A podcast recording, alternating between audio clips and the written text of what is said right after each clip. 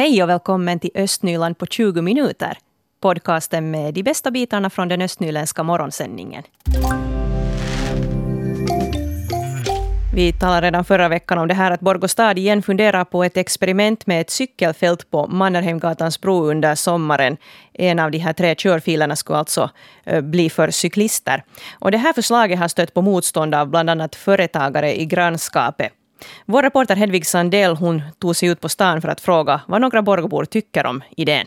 Här på Mannerheimgatans bro i Borgå är det livlig trafik nu på fredag kring lunchtid och eh, trafiken består av bilar. Jag har eh, sett Eh, tre cyklister som kom cyklande här tillsammans och de använde trottoaren faktiskt. Egentligen borde ju cyklister använda bilvägen här men jag brukar själv också cykla mycket och jag vet att eh, det känns ganska motbjudande att eh, cykla på vägen just här över bron för att bilar kör väldigt hårt här och vägen är som sagt livligt trafikerad.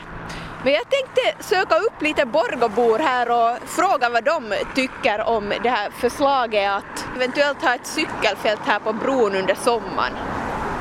Nu hittar jag Borgobon Tua Åberg här på Mannerheimgatans bro och Tua, du ledde din cykel här på trottoaren. Varför det? Jag leder den ofta åt det här hållet, men jag cyklar nog också, jag gör nog fel. Jag cyklar åt båda hållen, ja, fast det är inte lagligt. Vad tycker du om att ta dig över med cykel på den här bron? Det är helt okej, jag kommer väldigt ofta så här, men som jag vill säga här nu att jag brukar ta i beaktande ändå fotgängare, för det är ju deras det här. Skulle du kunna tänka dig att cykla på körfältet nu innan något cykelfält finns här? Alltså jag, när jag läste tidningen tror jag det var så förstod jag ju att det är där man borde cykla nu också. Och jag har trott att det var fel nämligen. Men det känns nog lite osäkert tycker jag med den här trafiken. Det kommer väldigt hårt ibland och det är ganska, den är ganska livlig. Nå, vad tycker du om det här förslaget då? Att eh, eventuellt göra ett sånt här experiment under sommaren att ena körfilen blir ett cykelfält. Jag tycker man kan göra det här experimentet så får man se sedan men jag är ju lite tvivlande om att gå det igenom för motståndet är ju så hårt. Och du hade också en annan idé om hur man skulle kunna organisera trafiken här ifall det inte blir något cykelfält här på bilvägen. No, det, det bara dök upp just att man skulle ha den här sidan med rampen för cyklister och den sidan med, med trappor då för fotgängare. No, du sa också att det skulle kännas lite otryggt att eh, cykla här på bilvägen nu men ifall det blir ett cykelfält här skulle du då våga köra på bilvägen? No, det beror på lite hur de markerar det sen förstås och, och, så nu skulle jag säkert göra det jo. Så får man se sedan hur det, hur det liksom känns. Det är svårt att säga nu men så här när vi står så här nu så känns det lite så där så att man inte skulle känna sig kanske så trygg där. Och nu hittar jag Borgobon Bo Furustam här vid eh, Åstranden nedanför Mannerheimgatans bro. Bo, vad tycker du om det här förslaget att eventuellt göra ett cykelfält på bron över sommaren? Jag tycker nog att det är ett bra förslag att det där, jag cyklar själv ganska mycket och... Skulle du själv använda det där cykelfältet ifall det blir av? Jag tror det nog. Och vad tycker du om att cykla över bron så som den ser ut nu? No, nu är det ju såklart kan, kan vara ganska livlig trafik där.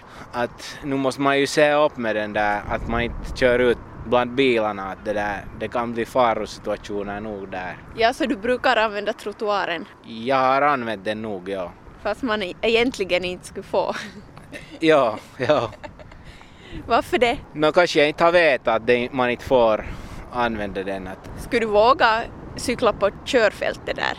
Nej, jag skulle nog inte våga. Varför inte? No, jag tycker att det är ganska, ganska livligt trafikerat ställe. Att där är vissa saker som skulle kunna vara farligt att börja cykla där på körfältet. Men att om det skulle komma ett cykelfält där så tycker jag nog att jag skulle kunna använda det bra. Och nu hittar jag Borgabon Ripa Koskelainen här närmare centrum och eh, han var nyss på väg eh, till sin cykel här. Jag antar att du ska få iväg med cykeln nu? Ja, så tänkte jag göra. Jag bor i Nese så det är nästan snabbare att jag cyklar hit istället för att jag komma med bil. Så då tar du säkert eh, Mannerheimgatans bro eller vilken väg far du? Aldrig använder jag den. Varför inte? Alltså vi har gångbro och Alexandersgatans bro, liksom Gamla bron.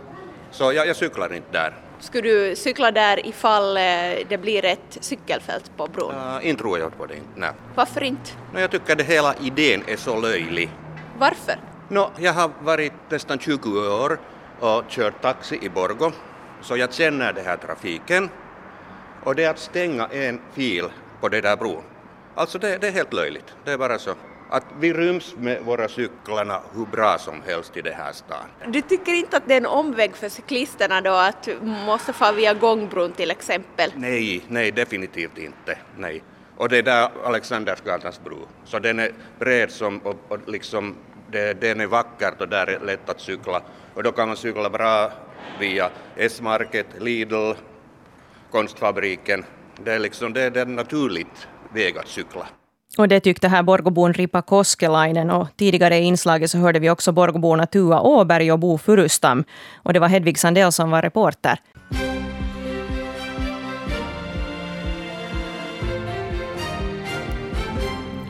Klockan är halv åtta, nu nyheterna från Östnyland med Stefan Härus. God morgon. Antalet barn i daghemmen i Borgå ökar sakta men säkert. Dagisarna har under coronakrisen varit belagda till mellan 10 och 15 procent. För tillfället är siffran 18 procent. Medeltalet för hela landet är cirka 25 procent. Direktören för småbarnspedagogiken i Borgå, Leila Nyberg, säger att man i Borgå följer de nationella rekommendationerna noggrant. I fråga om gruppstorlekar har staden ändå hållit en stramare linje än vad Utbildningsstyrelsen rekommenderat. Trafikarrangemangen på Västra Alexandersgatan i Borgå förändras från och med idag. Orsaken är bygget av ett flervåningshus. Bland annat tas ett, ett körfält bort mellan Alexandersgatans bro och Alexandersbågen i riktning västerut. Busshållplatsen flyttas cirka 50 meter mot Alexandersgatans bro. Samtidigt med trafikarrangemangen ska man också åtgärda dagvattensystemet invid konstfabriken. De nya trafikarrangemangen gäller till årets slut. Lovisa stad har fattat de första besluten om coronaunderstöden för ensamföretagare. 18 Lovisa-företag som ansökt om understöd har fått ett positivt beslut. Staden ska hädanefter behandla ett större antal ansökningar en gång per vecka. Tanken är också att understödet betalas ut så fort som möjligt efter det att beslutet offentliggjorts. Lovisa stad har fått 882 000 euro av arbets och näringsministeriet för att kunna stabilisera den temporärt försämrade ekonomiska situationen för ensamföretagare i staden. Understödet per ensamföretagare är en engångsersättning på 2 000 euro. I Sibbo har hämtmaten för distanselever ökat i popularitet. I nuläget beställs det mat åt över 900 elever per vecka. Matutdelningen har trots det gått organis organiseringsmässigt bra.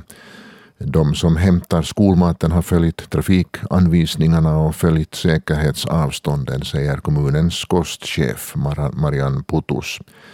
Kommunen vill ändå påminna vårdnadshavarna om att maten för den följande veckan bör beställas i tid eftersom beställningarna är många och eftersom det inte finns möjligheter att flexa med försenade eller glömda beställningar. Nu ska vi få träffa Borgobon Kjell Karlström som idag har kommit in på Svenska Yles lista över de 50 största idrottshjältarna genom tiderna i svensk Finland. Och den här listan och artiklar med olika idrottare så hittar man på svenska.yle.fi sport. Och om Kjell Karlström kan man ju berätta så mycket att han är känd inom den finländska landsvägscyklingen och han har tävlat som proffs åren 2002 till 2011 och bland annat deltagit i Tour de France tre gånger. Och hans eh, bästa placering där i touren var år 2006 då han blev andra på den åttonde etappen. Han har också blivit finsk mästare flera gånger och han inledde sin bana som cyklist här inom Borgo Akilles. Och efter det så har han ju tävlat för olika proffsstall och i olika stora tävlingar. Och sen 2017 eh, så har han varit sportchef för ett israeliskt stall. Och just nu så har han titeln General Manager där i, i det här stallet, som nu för tiden heter Israel Startup Nation. Så ett intressant jobb där säkert. Vår reporter Stefan Pavlo han träffar nu Kjell Karlström vid hans hemgård i Jackaby i Borgo. Stefan, det är en fin och solig morgon säkert där också. Också här är det en absolut fin och solig morgon. Och lite, lite kyligt är det nog faktiskt svalt den där bilen varnar att nu är det att nu är det kallare än, än plus fyra och det är det ju faktiskt. Men vackert är här när vi stiger här på Renstrandsträsket som jag nog tror att ortsborna kallar Jakabyträsket tror jag nog. I varje fall här vid träsket är vi i Jakaby och jag tittar ut här genom, det är lite björkar i vägen och står här på Källsgård som är faktiskt på landet ut hit. Vi, här är bara skog kring och man ser inte, dit ner ser man grannar dit mot stranden men annars är här bara skog kring och fåglarna kvittrar glatt i våren. Det är fina dagar. Har du själv hunnit trampa något eller varit något ute och cykla på sistone? Ganska lite men faktiskt så för en vecka sedan var jag senast ungefär. Det, det var en riktigt fin dag med 16 grader och, och solsken och nästan ingen vind så det var trevligt. Du slutade som proffs 2011, saknar du alls det? Eh, ska vi säga som så att jag har ju fortfarande varit och hållit mig till, till den här samma businessen så, så på det viset saknar jag det inte för att jag, jag ser det ändå. Men eh, speciellt de första åren efter så var det ju nog alltid att eh, när man var nära en tävling så började man fundera att ah, det skulle nog vara roligt att, att vara med eller, eller att om det var någon som inte riktigt klara sig som, jag skulle nog kanske ha klarat av mig bättre i det där men, men det, jag skulle säga att sen när, när det igen regnade och, och var dåligt väder så kom man ihåg att ja, mm, det var ju det här som man måste också ta, ta, ta det där. Och, och det, inte, inte har jag saknat det på det viset. Där inne har du säkert ett ganska häftigt pokalskåp. Nu får du lite till erkända när svenska YLE har valt det på en lista för det med de 50 största finlandssvenska idrottshjältarna genom tiderna. Hur känns det här att höra till dem? No, det känns ju nog bra, tack tack. Eh, det är ju alltså, eh, vad ska man nu säga? Det är ju, det är ju en ära att höra till det. Eh, och, och ja. Mm. Hur ser du idag på din karriär? Hur, när du ser bakåt på din karriär som cyklist, hur ser du på det? No för mig redan då när jag var cyklist så tyckte jag att det, det viktigaste är att man gör sitt bästa och, och försöka komma så långt som möjligt och det var, det var egentligen mitt mål. Um, och, och, det tror jag att jag gjorde. Jag, jag klarade av att komma så långt som möjligt. Jag klarade av att vinna, vinna några cyk eh, cykellopp ibland och, och sen förstod jag i något skede att, att jag måste uh, köra för andra för att ja, ja, det är svårt för mig att, att få få en riktig karriär i, i, i, inom proffscyklingen som, som en av ledarna i laget. Så det är viktigare att jobba för någon annan. Nu, för mig som är fullkomligt novis, köra för andra, kan du berätta kort vad betyder det? No, det betyder att man, man måste uh, göra arbete, det är en stor klunga i, i, i det där uh, cykelsporten som åker fram genom vägarna och, och, och, så brukar det finnas utbrytningar och, och det där uh, det är oftast en kapten som man kör för antingen eller spurtare eller bergsåkare och, och jag var ingen dera. Så det betyder att, att uh, det kan hända att man behöver jobba, jobba för att köra till, i kappen utbrytning så att den som ska sen spurta eller köra upp för en backe har, har det lite lättare att klara av att vinna. Så det är ett teamarbete inom stallet? Det är otroligt viktigt, ja, teamarbete och, och, och jag tror att uh, det är därför som jag tycker att det, det är så intressant och så roligt att, att vara med också på den här andra sidan och inte, inte, inte, inte mera som cyklist. Så här som en lite äldre pojke så måste jag fråga av dig, jag kan inte låta bli. Vad är det hårdaste hastigheten du har gjort med cykel? No, jag vet inte för att uh, hastighetsmätaren så den, den stannar vid 118 kilometer i timmen och sen så, sen så, så, för, så, så vet jag inte men jag vet att jag gick lite fortare än nu efter det. Uh, egentligen så kände jag inte av den där farten men sen när jag skulle bromsa så då kände jag av den. För det, det hände ingenting när jag tryckte på liksom bromsen. Mot, motorvägshastighet med på cykeln. Ja. Har du varit rädd någonsin när du har cyklat? Alltså när man ser på TV och så när man ser de här klungorna och så här och det far hårt. Har du någonsin varit rädd? Uh, ofta. Uh, det är nog en sån sak att det händer ju och sker och, och speciellt när man är 200 stycken i en grupp och det finns eh, allt möjligt på vägen. Det kan finnas, det kan finnas något stenar eller annat skräp eller, eller, eller så kan det finnas eh, riktigt bara stora gropar. Och man vet ju inte det på förhand utan man ser ju hur, hur, hur klungan eh, rör sig. Och, och, och, och, såklart när det regnar och man inte kanske ser så bra eller om det är dimma och, och eller sånt. Och, eller kör just då ut för någon backe som är riktigt, riktigt fort så känna sig lite osäker. Har du något speciellt minne från något lopp som du aldrig kommer att glömma, Kjell Karlström? Nå, nu har jag flera minnen. Uh, sen är det bara frågan om att vad man, vad man tar fram. Förstås vinster är alltid, alltid uh, intressanta. Men, men för mig var också ett annat minne som eh, när jag blev andra på, på en Tour de France-etapp. Ehm, så den var, den var ganska speciell. Och, och det där, ja, det är man, sådana ställen där man, man faktiskt eh, kanske överträffar sig själv så, så fast man inte vinner så, så tycker man att, att det är ett kärt minne så att säga. Och, och den etappen var nog en sån där vi, vi först gick ut i en utbrytning och, och, och sen var det Sen gick det flera stycken loss därifrån och, och jag försökte köra ikapp den, den som sen sist slutligen vann men lyckades inte riktigt. Mm. Intressant. Hör.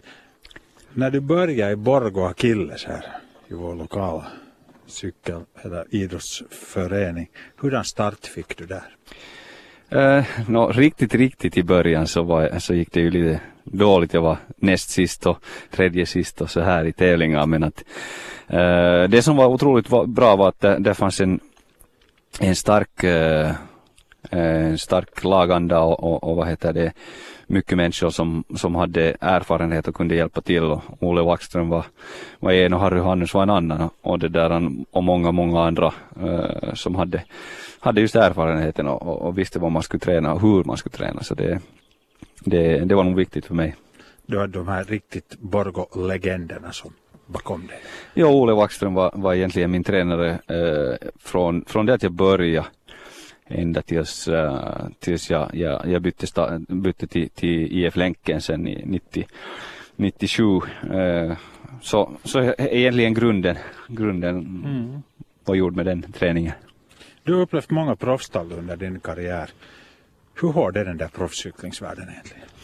Nu är den ju otroligt hård. Inte det, det, det är svårt att uh, kanske ens, ens förstå det om man inte är inne i den. Att, uh, det är ju egentligen så är det ren business sen, sen när man kommer fram till, till kritan. Det finns tusentals cyklister som gärna skulle vilja vara med där och åka och, och, och det är endast en del av dem som kan vara där. Så, så det är frågan om att visa sig på rätt stund och på rätt sätt för att klara av att komma dit.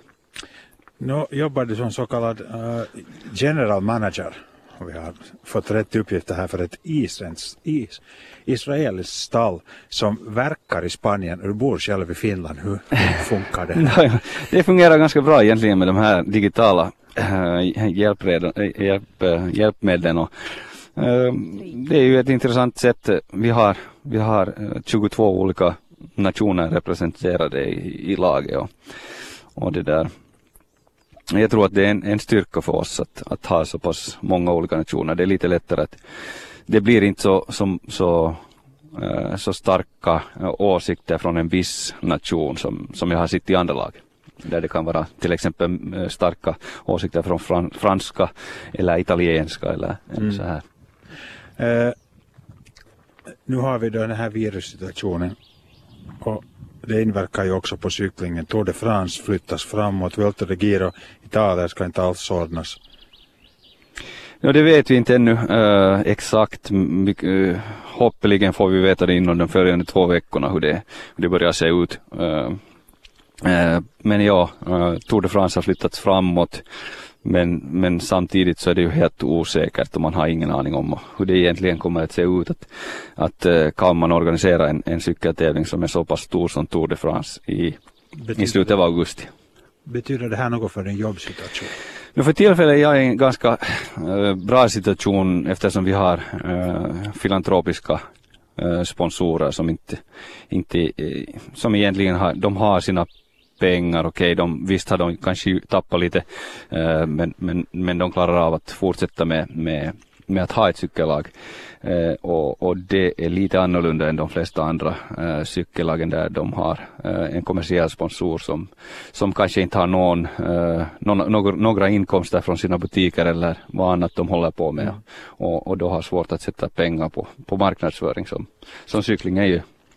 Hur ser din framtid ut Kjell No, jag hoppas att, äh, att äh, jag kan fortsätta, fortsätta utveckla mig som, som äh, inom cykelsporten och, och kanske komma till högre, högre vad heter det, resultat.